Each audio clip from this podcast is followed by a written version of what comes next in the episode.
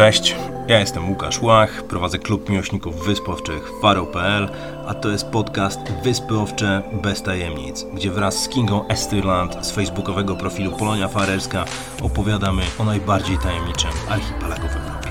Zapraszamy! Dzień dobry, cześć i czołem. Witamy po kilku miesiącach przerwy. Jasztalia, welcome. Przerwa wakacyjna już za nami. Mamy nadzieję, że tęskniliście, bo my za Wami bardzo i za Waszymi komentarzami.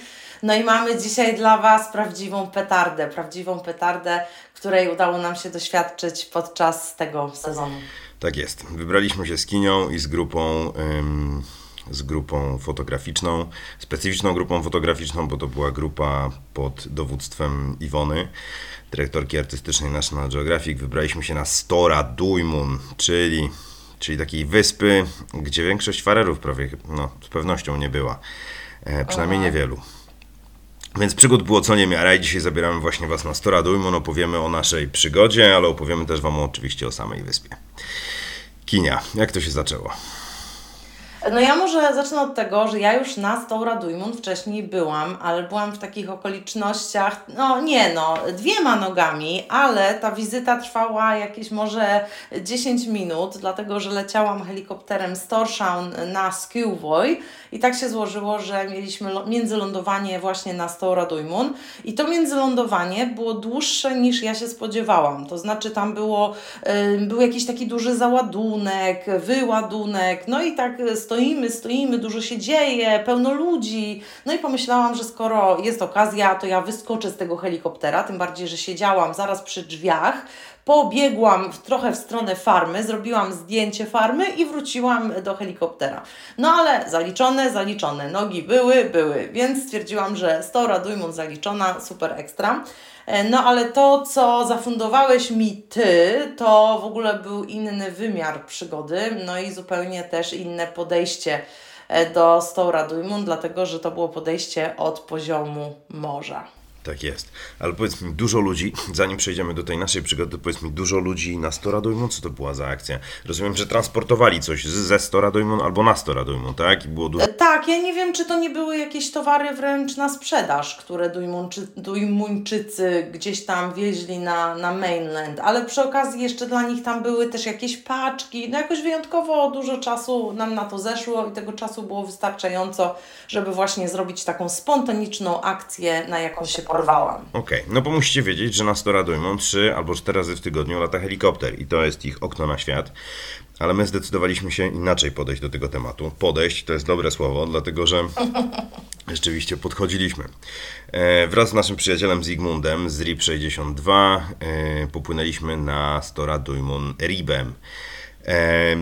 I postanowiliśmy po prostu podejść na tę wysoką półkę, półkę z tak, tak jakby jak to nazwać, takie wypłaszczenie, na którym znajduje się farma, a wyspa... Płaskowyż, płaskowyż, płaskowyż tak. A wyspa, wyspa jest stosunkowo niewielka, bo ma około 2,5 km kwadratowego, za to otoczona jest z każdej strony wysokim klifem i żeby dostać się na płaskowyż, gdzie mieszkają ludzie, trzeba pokonać jakieś 150 metrów w górę. Tylko problem polega na tym, że oczywiście nie ma zbyt wielu sensownych miejsc, żeby, żeby się tam wspinać. Jest wyznaczone jedno, delikatnie przygotowane, ale zanim w ogóle dostaliśmy się do tego właściwego podejścia do tej ścieżki do góry, no to mieliśmy kilka przygód. Dlaczego? No zacznijmy może od samego Riba, bo już sama ta przeprawa Ribem była przygodą. Przede wszystkim to z Gamlarat na Stora Dujmun płynie się około godziny, więc jest to, no jest to długo. I tutaj przepłynęliśmy sobie pomiędzy taką wysepką głową trola i Sandoj. Potem płynęliśmy wzdłuż zachodniego wybrzeża Sandoj. Tam były również iglice abrazyjne, jaskinie, foki, więc tam też się dużo działo. Potem minęliśmy Skillvoy, no i wreszcie, wreszcie na horyzoncie pojawiła się Stora Dujmun, wyczekiwana, utęskniona, no i rzeczywiście jak ja zobaczyłam te takie bardzo poszarpane klify północnego wybrzeża Stora Dujmun, to troszeczkę się wystraszyłam, że jak niby ja mam tam wejść, no ale okazało się, że będziemy podchodzić od innej strony, chociaż desant w pierwotnym miejscu niestety się nie udał ze względu na silny prąd i niesprzyjający wiatr. No i wówczas Sigmund podjął decyzję o wysadzeniu nas w nieco innym, takim spokojniejszym miejscu, ale niestety to miejsce wymagało dłuższej wędrówki.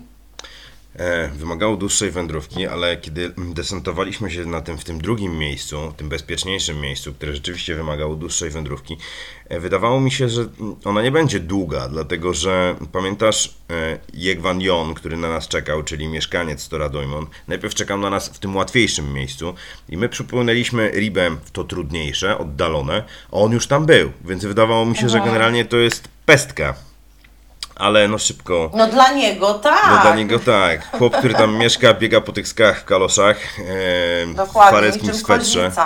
Tak, z liną przepasaną przez tutaj przez klatkę piersiową. Więc no, ale lina dopiero przydała nam się na dobrą sprawę na powrocie. No tak, ale ta lina była trochę niepokojąca, nie sądzisz? Ta lina, jak tylko zobaczyłem go z tą liną, to od razu, wiesz, e, od razu sobie uświadomiłem i przypomniałem sobie, jak dokładnie ta droga wygląda.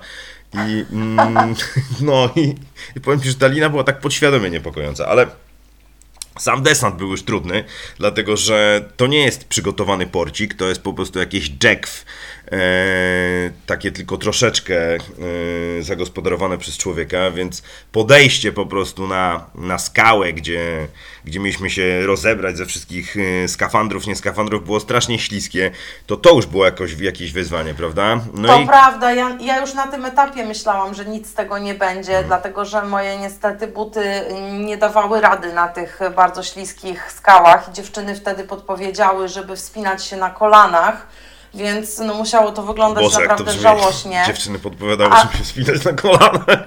No widzicie, to świadczy o skali tego wyzwania, że od samego początku była masakra. No to prawda, to prawda, ale też zaliczyłam na początku dosyć bolesny upadek i wywinęłam orła na tych właśnie mokrych skałach, więc potem postanowiłam już pójść za poradą dziewczyn i jakoś tam wczłapałam się na te suche skały chociaż niby buty miałam dobre i cały osprzęt. Błędem z mojej strony było wzięcie kijków trekkingowych, ale to dlatego, że ja nie miałam świadomości, jak ta trasa w ogóle wygląda i czego się tam spodziewać. Myślałam, że to będzie taki klasyczny farerski trekking, tyle że może być bardziej pod górkę i może nieco bardziej stromo i tak dalej, ale nie miałam świadomości, jak ta, jak ta cała akcja będzie wyglądać.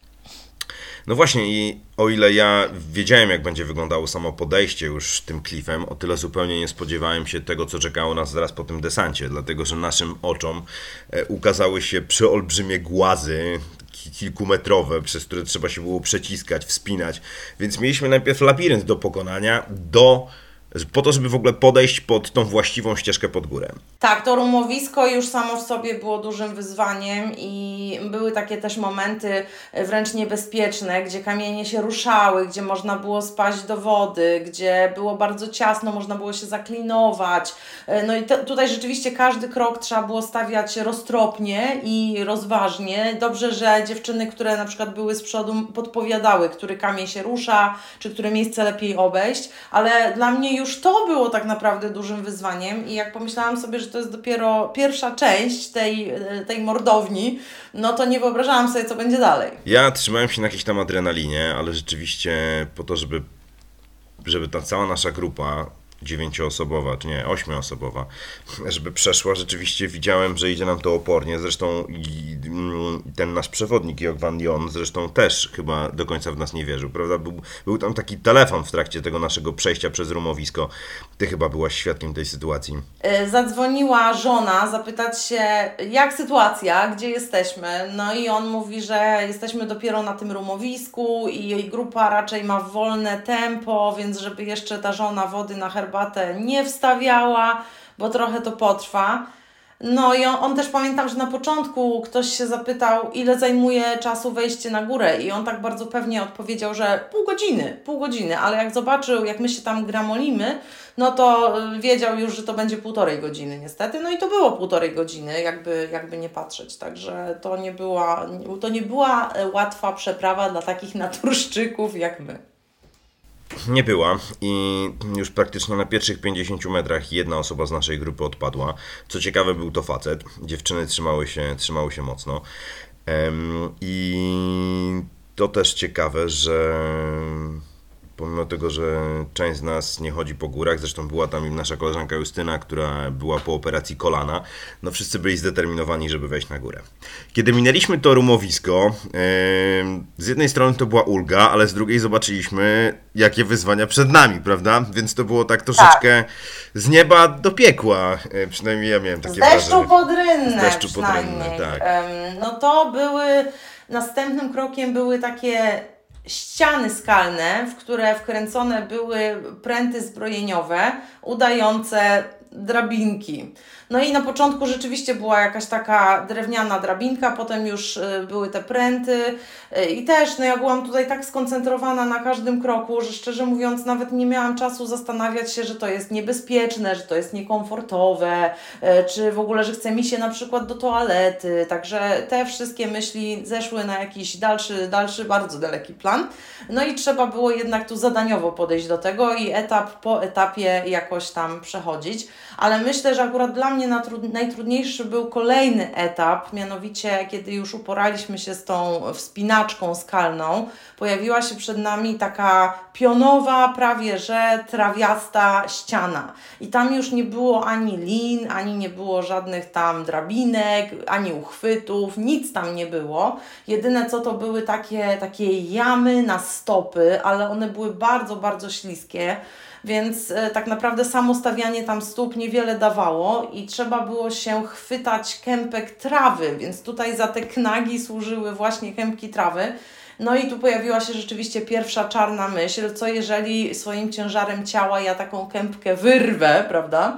No i polecę na kogoś, kto e, był za mną, a za mną chyba akurat była Madzia, więc we dwie byśmy tam wylądowały w oceanie niczym młode foki.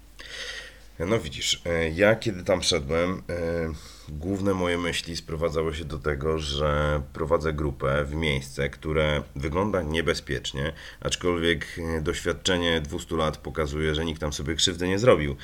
Ale miałem takie wrażenie, że prowadzę grupę w miejsce, do którego nie ma wyjścia. Wiedziałem, że każdy ich krok naprzód, każdy ich krok do góry prowadzi ich do miejsca, z którego będzie im jeszcze trudniej wrócić. I widziałem to w oczach wielu osób tam na miejscu. Widziałem to w oczach Justyny, która miała problem z nogą, widziałem to w oczach Magdy. E, pojawiały się po prostu pierwsze takie oznaki zwątpienia czy to, co robimy, ma sens, czy to, co robimy, jest sen, no, czy jest bezpieczne i tak dalej, bo ludzie powoli tracili po prostu poczucie bezpieczeństwa, pomimo tego, że było tam pięknie. E, to te kolejne etapy, to rumowisko, które wydawało się być trudne, kiedy się skończyło, przed nami pojawiało się jeszcze większe wyzwanie w postaci właśnie tych drabinek. Później w postaci, w postaci tego, mm, tej łąki, tak, i tych kępek, które mogły się w każdej chwili odsunąć. I zobacz, że to napięcie cały czas narastało, dlatego że to rumowisko raz Później trzeba było się mierzyć z jakimś lękiem wysokości. Później nie kontrolowało się właśnie tych uchwytów, czyli można było się w każdej chwili ześliznąć, nic nie było zależne od ciebie. A kiedy już pokonaliśmy właśnie te kępki, to co się pojawiło, pojawiła się wąska ścieżka przy praktycznie skale. To były półki skalne. Pół... Nazwijmy to po imieniu. To były półki skalne i tak naprawdę one były bardzo, bardzo wąskie na szczęście w ściany skalne były wmontowane metalowe wanty, których można się było trzymać i posuwać się jakoś tam do przodu.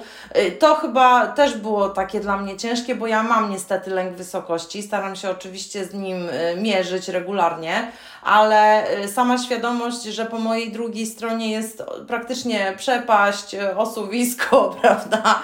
I tutaj chwila zawahania i no i spadasz i cię nie ma, no i tyle w temacie. No to, to było, było to jednak duże wyzwanie, ale też po raz kolejny pełna koncentracja i, i no i jakieś takie poczucie skupienia, które wręcz y, dominowało nad strachem, dominowało nad jakimiś takimi negatywnymi uczuciami. No i rzeczywiście te półki też trochę nam zajęły. Ostatnie pamiętam metry to były schodki, chyba w ogóle wyrwane z jakichś jednostek pływających, bo tam były jakieś schodki aluminiowe i jeszcze jakaś drabinka.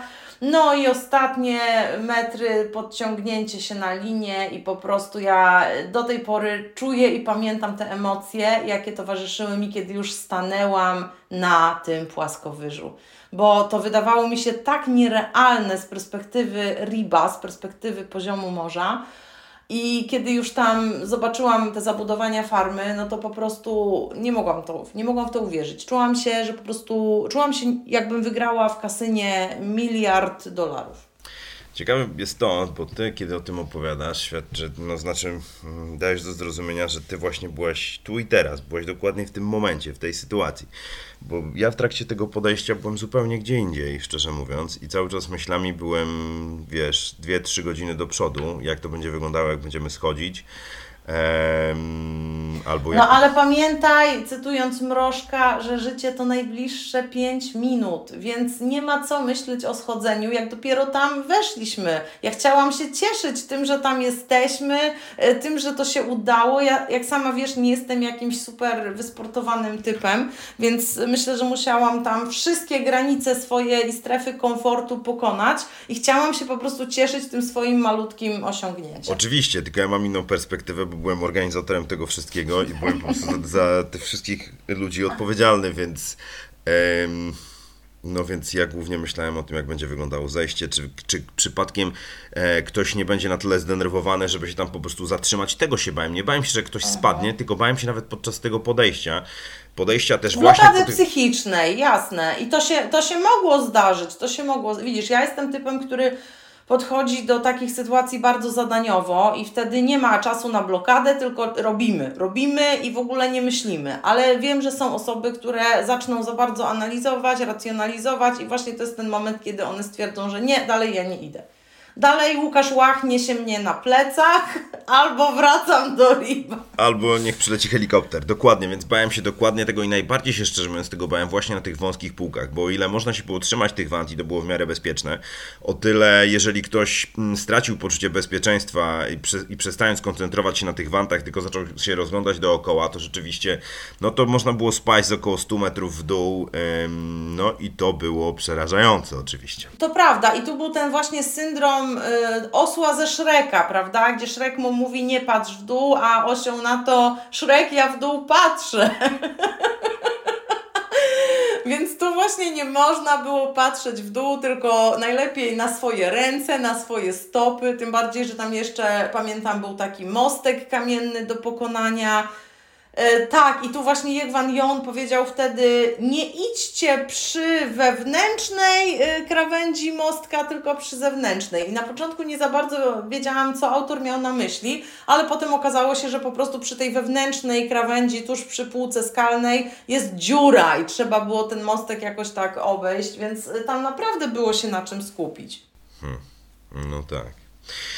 O rany, no właśnie, wiesz, przypomniałem sobie dokładnie ten moment z tym mostkiem. Ten mostek to była taka po prostu betonowa platforma, jeszcze porośnięta po prostu trawą, więc na dobrą sprawę nie było wiadomo, gdzie jest ta dziura, prawda? Też był taki Mhm, klimat. tak, tak, tak, tak. No ale weszliśmy wszyscy bezpiecznie na górę i pamiętam to takie z jednej strony zrzucenie tego napięcia, a z drugiej strony od razu zaczęło się budować nowe napięcie, jak zejdziemy. I po prostu to się udzieliło bardzo wielu osobom. E, I pamiętam podczas większości tego pobytu na farmie, która to było niesamowite doświadczenie, spotkanie z tymi ludźmi, zobaczenie tego wszystkiego, jak żyją, ale ja szczerze mówiąc, przez większość tego pobytu byłem myślami przy tym, jak uspokajać grupę, jak zapewnić im w jakiś sposób, wiesz, e, no właśnie, no jak ich dobrze nastawić przed zejściem. No to było, terapia grupowa na Stora Dujmun przed zejściem na tak, i na tym byłem skoncentrowany. No, to jest, szczerze mówiąc, to jest jak, m, mogę to uczucie porównać tylko i wyłącznie do porodu. porodu, w którym uczestniczysz, w którym oczywiście główną bohaterką jest twoja partnerka i ty po prostu uspokajasz ją, pomimo tego, że sam w ogóle nie jesteś spokojny. Więc tak, wejście na Storadujmą porównałbym do porodu. To jest myślę, że z mojej perspektywy bardzo trafne. No ale dobrze, już koniec o tych emocjach, zobaczmy, to znaczy opowiedz mi jak było w ogóle na samej farmie, bo to też było niesamowite doświadczenie. No właśnie, to było bardzo też ekscytujące. No przede wszystkim to powitała nas zaraz Ewa Urdujmun, żona Wyszła tak jakby Jona. przed farmę po to, żeby nas, nas przywitać, tak jest. Tak, tak, drobniutka babeczka, ale widać, że taka dziarska krzepka, uśmiech niczym Julia Roberts na pół twarzy. Zaraz wszystkim uścisnęła dłonie. My oczywiście zbombardowaliśmy ją polskimi imionami, których w ogóle nie było szans, że ona zapamięta. No ale ale ze wszystkimi się przywitała. E, zaprowadziła nas do domu. W domu już czekał poczęstunek. E, na stole w kuchni kawy, herbaty, bułeczki, jakieś tam szyneczki, dżemik rabarbarowy, co tam jeszcze, sery jakieś były. No taki lunch, poczęstunek, a nam akurat węgle były bardzo potrzebne po tym trekkingu, więc ja z przyjemnością zrobiłam sobie, zrobiłam sobie kanapki. E, no i oczywiście zaraz seria pytań do Ewy i Jegwana Jona, jak to się mieszka na takiej wyspie i jak to jest być jedyną rodziną na wyspie. E, zaraz oczywiście fotosesja ich czterech ścian, dlatego że no to była w końcu grupa fotograficzna i o ile na trasie ciężko było wyciągnąć aparaty, no bo jednak obie ręce były potrzebne do wspinaczki, o tyle już w domu u nich można było trochę pofotografować. Zaskoczył mnie też sam ten, sam ten dom, że on był w sumie taki może mm, trochę rustykalny. No właśnie, ale poczekaj, opowiedz, opowiedz mi jak wygląda, ta, jak wygląda ten płaskowyż i jak wygląda ta farma, bo to jest bardzo jednak ciekawe. To jest jednak bardzo duże wypłaszczenie, na którym po prostu majaczą gdzieś tam z tyłu jakieś stare budynki otoczone murem i z boku jest nowa hala, prawda? I to, to, to, to jest takie...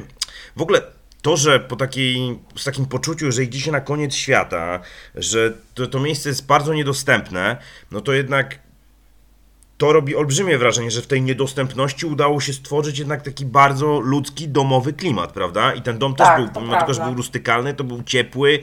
W ogóle cały ten klimat związany z tym poczęstunkiem, to wszystko było takie bardzo domowe i w ogóle nie kojarzyło się z miejscem tak odosobnionym, w którym byliśmy. I to było fajne. Ten dysonans był super. No i samo to też, że to wnętrze było takie, takie bardzo współczesne, czyli jest dobrze wyposażona kuchnia, jest zmywarka, skorzystałam tam jeszcze z toalety, no to łazienka też wyglądała tak bardzo współcześnie. Nie to, że stoją trzy miski, jakiś szlauch i, i tyle, prawda? Tylko jednak wszystkie jakieś udogodnienia są.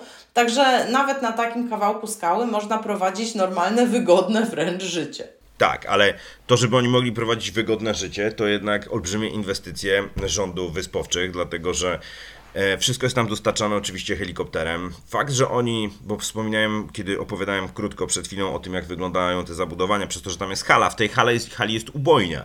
I po to, żeby oni mogli robić to, co robią, czyli między innymi hodować bydło, no to jednak rząd wyspowczych musi ładować olbrzymie pieniądze w to, żeby po prostu utrzymywać to połączenie helikopterowe i wydaje mi się, że ilekroć, nie wiem, oni transportują e, kawałki mięsa. Tak, uro, urobek, swojej, urobek swojej produkcji, właśnie, urobek swojej produkcji. To są przecież tony, tak? No to przecież nie no znoszą tak, tego tą trasą, którą my generalnie szliśmy, tylko po prostu wysyłany jest helikopter.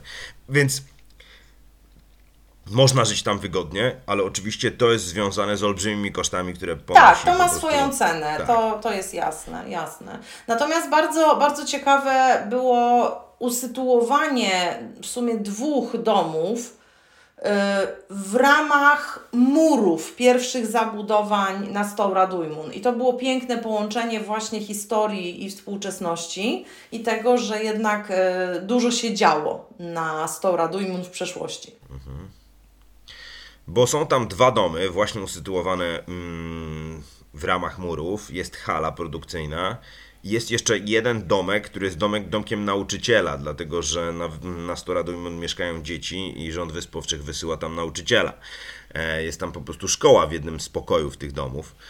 Tak, i nauczyciele pracują rotacyjnie, zmieniając się co trzy miesiące. Nauczyciel wówczas mieszka na wyspie, mieszka właśnie w tym domu nauczyciela na dole jest salka lekcyjna, no i to wszystko oczywiście jest takie bardzo skromne i trochę wręcz chałupnicze, ale mimo wszystko funkcjonuje. Oczywiście dzieci, jeżeli chcą kontynuować e, edukację na takich wyższych szczeblach, muszą już jechać do Torszan i tak właśnie zrobiły dzieci Ewy i Jegwana Jona. Natomiast na wyspie mieszka jeszcze brat Ewy z rodziną, no i właśnie jego dzieci są na tyle małe, że mogą się uczyć na wyspie. Mhm. No i ten domek, to też ciekawe, ten domek nauczyciela można wynająć. Oczywiście trzeba się porozumieć z właścicielami, z Ewą i Egwanem Jonem, ale to wydaje się być niesamowitym doświadczeniem. No i też trzeba oczywiście odpowiednio zgrać transport, mm, odpowiednio rezerwując sobie helikopter, dlatego że nie można w ten sam dzień helikopterem przylecieć i tym samym, w tym samym dniu odlecieć. No i dodajmy jeszcze, że domek można wynająć tylko latem, kiedy są wakacje, no bo wtedy nauczyciel ma wolne i dzieci nie mają lekcji i rzeczywiście domek stoi pusty, za to niestety w ciągu roku szkolnego takiej możliwości już nie ma. Właśnie. No dobrze, kiedy zjedliśmy sobie troszeczkę, poopowiadaliśmy sobie różne historie i zadaliśmy mnóstwo pytań, obejrzeliśmy dom, w którym pamiętam uderzyło mnie... Dom i rzeźnie, dom i Tak, rzeźnie, ale gdzie właśnie poszliśmy do rzeźni. Poszliśmy do rzeźni. Tak, i tam zrobiliśmy sobie selfie z wołowiną. Nieco Tak. makabryczne. Tak, to było, to było, tak, to było na swój sposób makabryczne. Eee, no bo oni się utrzymują z rolnictwa, prawda? Hodują bydło, hodują owce, no i hodują rzepę. No i później poszliśmy właśnie na pole rzepy, która... To była kalarepa. Kalarepa, jejku, kalarepa, ale smakowała, nie, smakowała niesamowicie. Chciałem powiedzieć, że smakowała jak rzepa. Nie, nie smakowała jak rzepa. Ale to prawda, że akurat sam też spacer na to pole Kalarepy był dosyć ciekawy, dlatego że minęliśmy między innymi ruiny starego kościoła na Stouradujmun. E, Aktualnie nie ma żadnego kościoła na wyspie, e, natomiast chcieli mieszkańcy go odbudować i nie dostali po prostu zgody jakiegoś tutaj, nie wiem, konserwatora zabytków, czy komuny, czy kogokolwiek. Minęliśmy heliport, y, ichniejsze okno na świat, zrobiliśmy sobie pamiątkowe zdjęcie pod tabliczką st. Ale to też jest niesamowite, nie? Ta tabliczka, po prostu ta konsekwencja po prostu w tych, w tych, Tak, tych tabliczkach jest niesamowita. Czyli po, Niesamowita. tak, czyli po prostu wjeżdżając do miejscowości, jak w Polsce oczywiście ma się, je- jest tablica z nazwą miejscowości, no ale na Stora Dujmun też jest tablica przy heliporcie, wychodząc z heliportu, niesamowite. Tak, Na tak. skórę- brakowało mi jeszcze tylko przekreślonego Stouradujmun z drugiej strony. Żeby wiedzieć, że opuszczasz Stouradujmun. No ale już tego, tego nie było. E, I później jeszcze pamiętam, że na e, zachodnich klifach się działo bardzo, bardzo dużo maskonurów. Także wszyscy zaraz obiektywy w dłoń i sesje, sesje maskonurów. Pomimo tego, że było dość późno, prawda? Dlatego, że to już była druga połowa sierpnia, one dalej tam tak, były. tak, tak. No złota godzina już tak się powoli zaczynała, co było też dla nas takim e, poczuciem presji, że już musimy schodzić, bo żeby nie została nas noc, prawda? I ostatnim właśnie punktem programu było to pole Kalarepy, gdzie tutaj Jegwan Jon e, wyrwał z ziemi kilka bulw, oczyścił je w kępkach trawy, następnie szybko, sprawnie obrał i dał nam takie białe krążki, niczym jakaś kalarepowa komunia to wyglądało, bo on każdemu dawał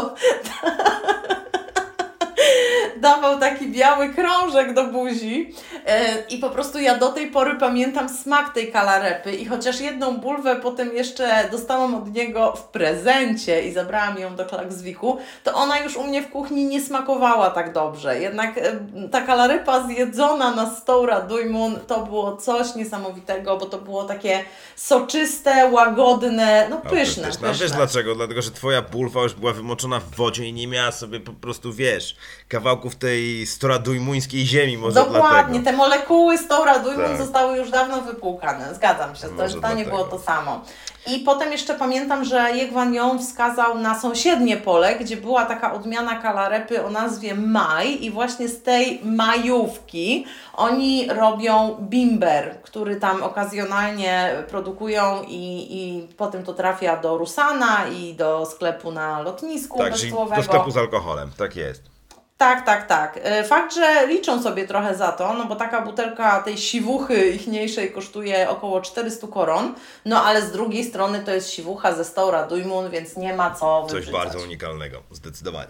Z mojej No ale perspektywy... dobra, po, pojedliśmy tej kalarepy i wtedy znowu rzucił się na nas wszystkich e, blady strach związany z zejściem. Tak, ale ja tam miałem jeszcze jedną przygodę, dlatego że powiedzieliśmy Wam na wstępie, że na rumowisku jeden z naszych uczestników postanowił, postanowił nie kontynuować tego przejścia. Wrócił sobie na miejsce naszego desantu, bo tam była przygotowana taka jama w zasadzie, jama, gdzie można było trzymać łodzie. On tam się położył po prostu na tych wszystkich naszych kombinezonach, którymi Tak, przepłynęliśmy. zrobił sobie takie legowisko z naszych skafandrów. Tak, ja próbowałem się z nim skontaktować. On miał krótkofalówkę, miał też telefon komórkowy, ale nie odbierał niczego i po prostu z tego klifu, pamiętam, na wysokości tego pola, tej kalarepy, zacząłem się tam, no, wydzierać, mówiąc krótko. E, chyba go obudziłem, bo nie, nie, nie, nie, nie odpuszczałem tematu. Musiałem, musiałem się z nim skontaktować, to był jednak jakiś rodzaj niepokoju, czy on tam, czy on tam jest, czy go tam nie ma. No ale on tam okazało się był, okazało się, że spał i my niepotrzebnie tutaj naszego Remika obudziliśmy, dlatego że on tam sobie w tym legowisku miał super odpoczynek. No tak, ale wiesz, no ja też chciałem czuć się dobrze, bezpiecznie, więc yy, Nie no, ja wiem, że Ty miałeś też w głowie alternatywne scenariusze. Oczywiście, i to kilka, i to kilka, dlatego, że on musiał wrócić z części tego rumowiska z powrotem, z powrotem do tej jamy, a no nie było nas ze trzy godziny, nie? Jak nie lepiej. Mhm, tak, więc tak, po prostu tak. ja miałem już tam różne scenariusze, ale spoko, wszystko, wszystko było ok. No i co? No i to zejście. Pamiętam, że kiedy wychodziliśmy z tego pola kalarepy, to zaczął delikatnie pruszyć deszczyk. I pamiętam ten deszczyk. Mm, o Boże, wizja schodzenia po tym śliskim, po tym śliskim zboczu, w tym deszczu, wydawała mi się no masakryczna. Ale niesamowite było to, że kiedy zaczęliśmy schodzić, zaczęliśmy od tych wąskich półek skalnych, od tych platform, zaczęła się wypogadzać, zaczęło się wypogadzać coraz mocniej. Litla Dujmund, która była naprzeciwko, zaczęła no, świecić po prostu światłem odbitym. Niesamowicie to wyglądało. Więc zaczęła się złota godzina, wypogadzało się. No i widać było, że wszyscy po prostu czują się coraz bezpieczniej, coraz bezpieczniej, rośnie po prostu bańka takiej radości, takiej ekstazy, ekscytacji. I szczerze mówiąc, Myślę, że ten szczyt tej ekstazy w, grupie nie był na 100 Radujmon, tylko był właśnie, kiedy już zaczęliśmy schodzić i na wysokości właśnie tych, mm, tych kępek traw, kiedy już każdy miał takie wrażenie, że już że przeżyliśmy coś niesamowitego i przeżyliśmy, to było naprawdę niesamowite. No to prawda, to prawda. Wiesz, no ja myślę, że problemem na, na samym Stoura Duimon było to, czy tam na farmie, że właśnie wisiało nad, nad nami widmo tego zejścia i jeszcze pojawiły się takie głosy, że schodzi się trudniej niż się wchodzi, prawda? Ja te myśli oczywiście skutecznie od siebie odsuwałam, zakładając, że nie, nie, nie, mindfulness, skupiam się na tym, co tu i teraz, przeżywam na maksa, potem będę się martwić, najwyżej Łukasz Łach weźmie mnie na barana. Także widzisz, Ty też byłeś dla mnie taką kotwicą tutaj w tej sytuacji.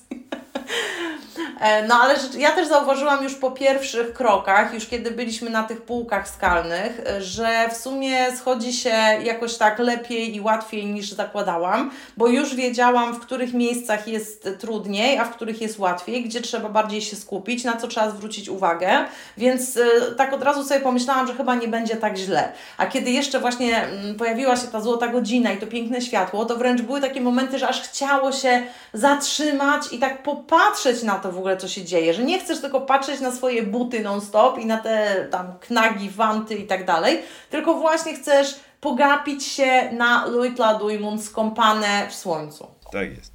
Ja się zatrzymałem kilka razy, pamiętam też raz wyciągnąłem y, telefon, zacząłem robić film i nagle pojawiła się Iwona, nie wiedząc o tym, że ja coś tam nagrywam e, i no i zaczęła opowiadać w takich emocjach właśnie o tym, co przeżyła i to było takie bardzo, bardzo autentyczne. Nagraliśmy ją. To było piękne, to było takie naturalne i ona nie wiedziała, że jest nagrywana i ona po prostu wypluwała z siebie te wszystkie emocje i to było właśnie takie szczere, autentyczne i, i takie słodkie też, no więc to było cudowne. Myślę, że myślę, że powinieneś to gdzieś wrzucić na pewno.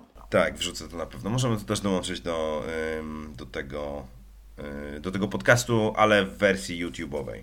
Więc na tak, pewno to wersji zrobimy. wideo. Tak. Udało się zejść. To, czego się bałem, to jeszcze bałem się tych prętów, tych takich drabinek z, z, z, tych, z tych drutów zbrojeniowych, ale to poszło gładko. No i fajne też było to, że podczas zejścia już czekał na nas ym, Zygmunt w Ribie i wiedzieliśmy, że nie musimy iść tym rumowiskiem, tylko będziemy mogli tak, to była najlepsza wejść. niespodzianka tak. chyba, jaką Ziggy mógł nam zrobić. Tak, czyli ponton czekał na nas po prostu w miejscu, które było bliżej tego zejścia i podejścia już po To samym... było pierwotne miejsce, gdzie on miał nas wysadzić tak naprawdę i, i to się najpierw nie udało. No jeszcze pamiętam, że te kępki trawy nieszczęsne pokonywaliśmy takim ślizgiem na naszych czterech literach i, i w sumie to też było łatwiejsze niż się spodziewałam. Fakt, że mój zadek był już cały w ptasim głanie i przemoczony i brudny, ale to był chyba wtedy taki moment, że nikt w ogóle się nie przejmował takimi drobiazgami. Nikt zupełnie.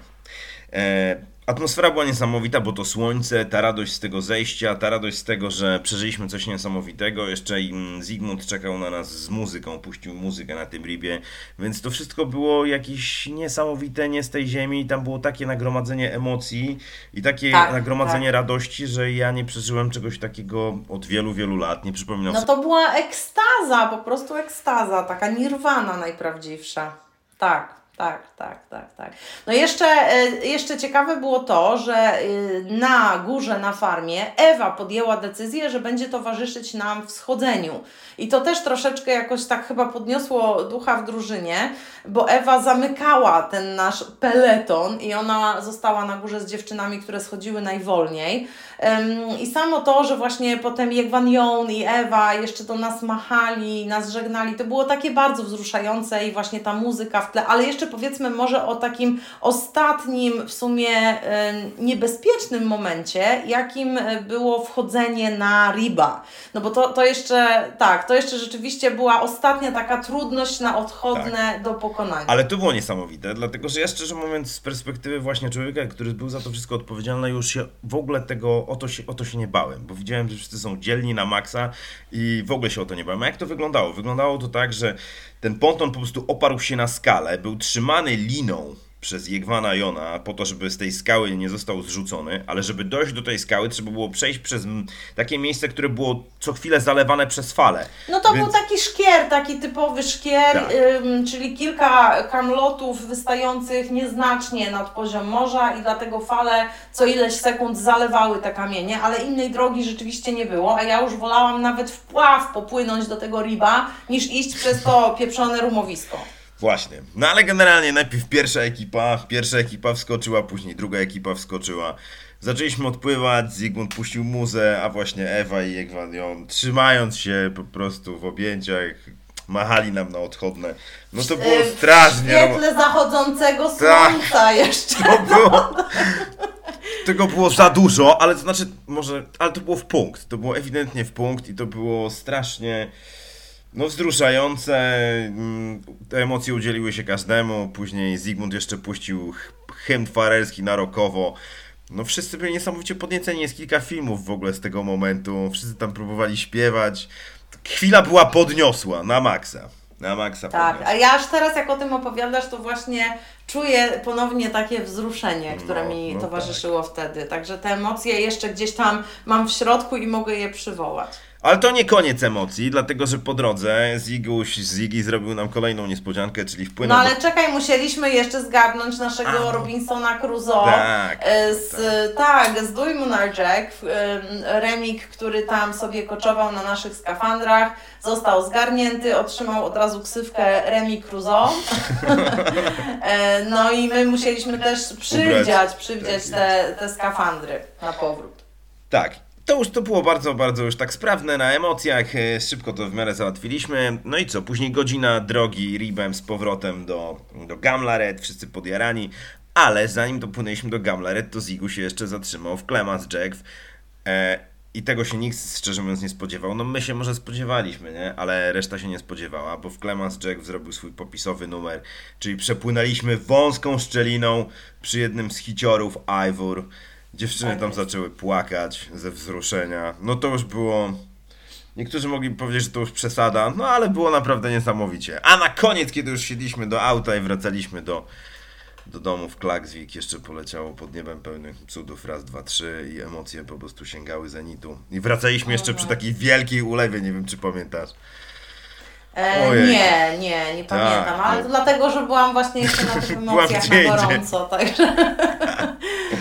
ale potem nie czułam nóg przez kolejny tydzień, miałam okropne zakwasy, także tutaj to y, przekroczenie własnych barier i granic i tych stref komfortu bardzo mnie kosztowało dużo, bo ledwo, ledwo się poruszałam, ale mimo wszystko, mimo wszystko było warto, także nie sądzę, żebym chciała ponownie y, udać się na taką wyprawę, wiedząc już co by mnie tam czekało, ale y, no też wziąłeś mnie trochę z zaskoczenia, bo jednak pojechaliśmy tam w środę, mieliśmy jechać w czwartek, ale tu pogoda oczywiście pokrzyżowała nam szyki, no ale było warte y, to każdej kropli potu, łzy i w ogóle wszystkiego, więc y, no.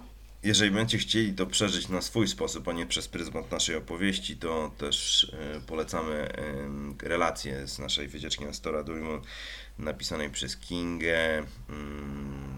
Będzie link do tej relacji pod podcastem, pod filmem. I relacja była pisana jeszcze tak na gorąco, dlatego że dzień po tym doświadczeniu, więc tam myślę, że te emocje aż kipią, jak się to, to czyta. Ale jeszcze wróćmy do samej Stora Dujmu, no bo tak jak wspomniałeś, jest to miejsce, do którego no mało kto dociera tak naprawdę, nawet sami farerzy tam raczej nie przyjeżdżają, no bo, no bo po co?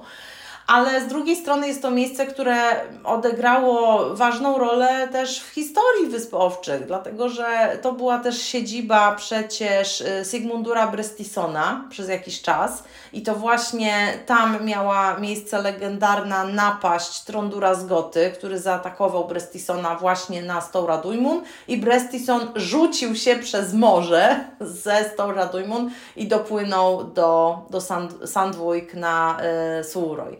Więc on, on jest pochowany na Skillwoj, ale właśnie on y, na Storadujmun wtedy był i uciekał ze Storadujmun. Czyli musiał, Poza tym, z, musiał z Sudroj później przepłynąć na Skillwoj. Boże, teraz to jakiś e, nie, już, już, już go przewieźli, on został przecież tam zamordowany. no nieważne. Poza tym na Stauradujmun urodził się pierwszy oficjalny farerski artysta, Dujrukur Askarvanese.